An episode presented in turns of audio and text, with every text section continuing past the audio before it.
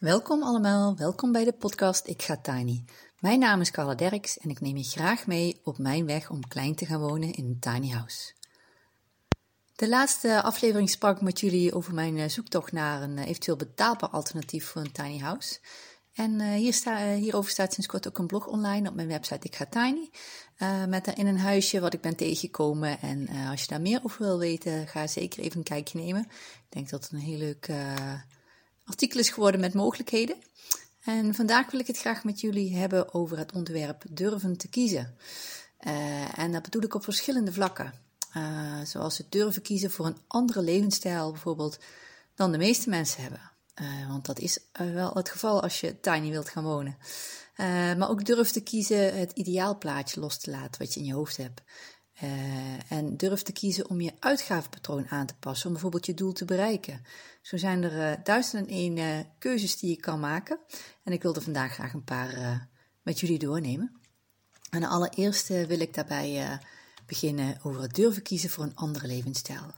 Want inderdaad, of je nou kiest voor een tiny house, of het wonen in het buitenland, een, een wereldreis gaan maken, in een busje gaan wonen, je wijkt gewoon af van de levensstijl die de meeste mensen leiden.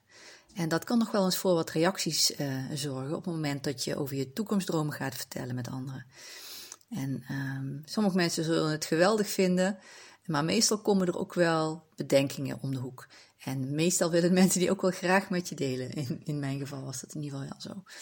Uh, en dat zijn bijvoorbeeld van die opmerkingen van: Goh, het is toch niet realistisch en haalbaar om zo klein te wonen. En uh, met de huidige woningnood denk je nou echt dat gemeentes hier aan mee willen werken? Of een tiny house is zo duur, dat geld kun je beter in een echte woning stoppen, dan heb je er nog wat aan. En zo kan ik natuurlijk nog wel even doorgaan. En uh, misschien is het ook wel heel herkenbaar voor jullie. Um, ja, en hoe ga je hier nou mee om, zodat je niet zelf gaat twijfelen uh, of je die toekomst misschien niet eens meer aandurft te gaan. En dat zou natuurlijk heel jammer zijn. En ik merk voor mij is het heel duidelijk waarom ik kies om tiny te gaan wonen. En omdat ik dat zo duidelijk voor mezelf uh, op mijn netvlies heb, kan ik me dus veel beter wapenen tegen twijfels en opmerkingen van anderen. Um, en ik kies er daarom dus ook voor om mijn verhaal open te vertellen en mijn informatie te delen. En um, hoe meer kennis ik vergaar in de loop der jaren, uh, ik merk dat ik daardoor ook de bezwaren van anderen makkelijker kan weerleggen of hun aan het denken kan zetten van, goh, is dat echt zo?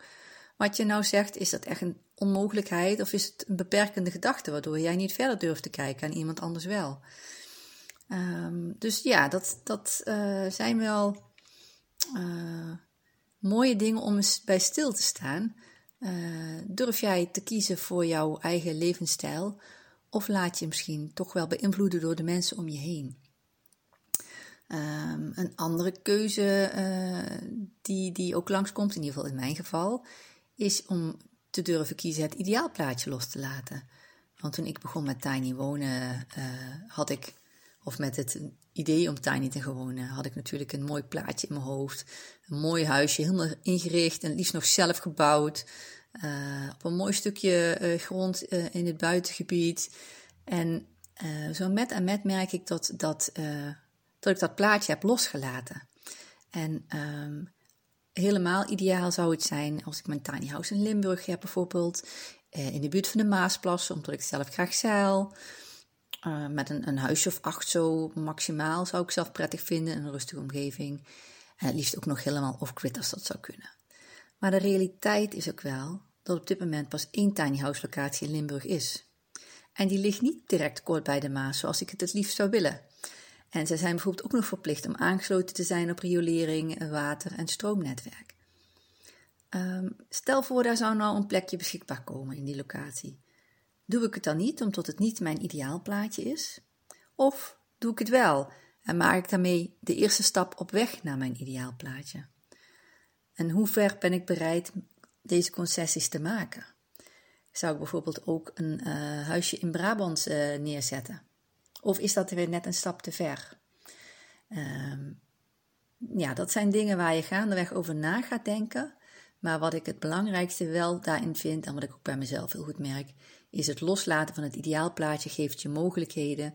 Het geeft me stappen in de goede richting. En ik kan het aanpassen zoals de situatie zich voordoet.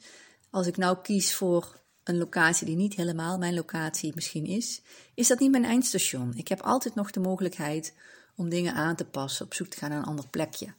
En, en dat is waarom ik dat eigenlijk ook wil meegeven. Laat dat ideaalplaatje los. Heb hem wel op de horizon, maar ben bereid om tussenstappen te maken. En op die manier, uh, ja, uiteindelijk dat ideale plaatje wel te bereiken, maar niet direct nu meteen in één keer. Want dan loop je toch vaak vast.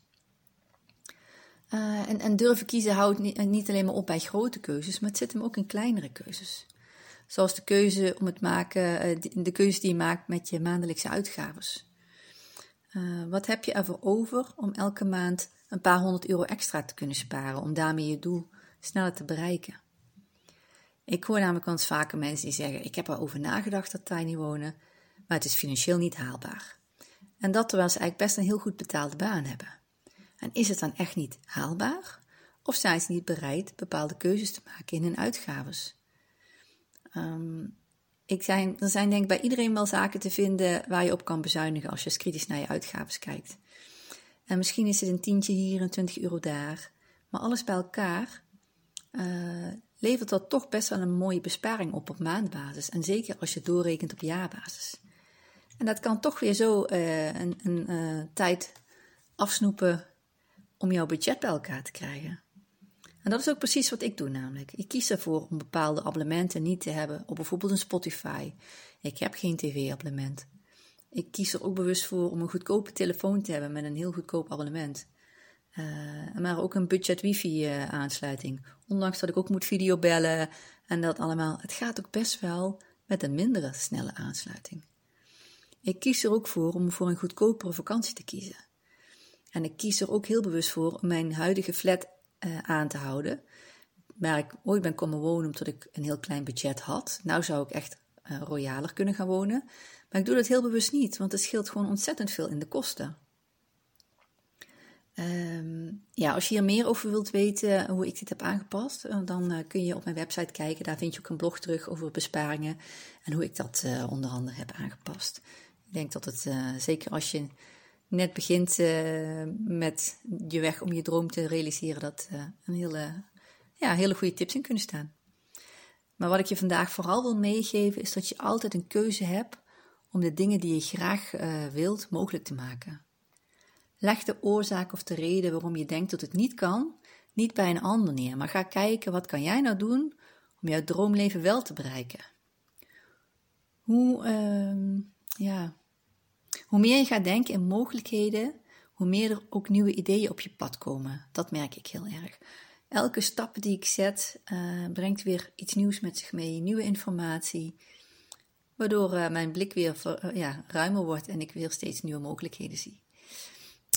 hiermee wil ik ook even afsluiten vandaag. Ik hoop dat ik een zaadje heb mogen planten, wat bij jullie mag gaan groeien om verder te kijken naar de mogelijkheden die je hebt. En eens goed te kijken welke keuzes jij wel of niet maakt. En daar misschien ook uh, nieuwe keuzes in te maken. Dus hopelijk tot de volgende keer. Doei!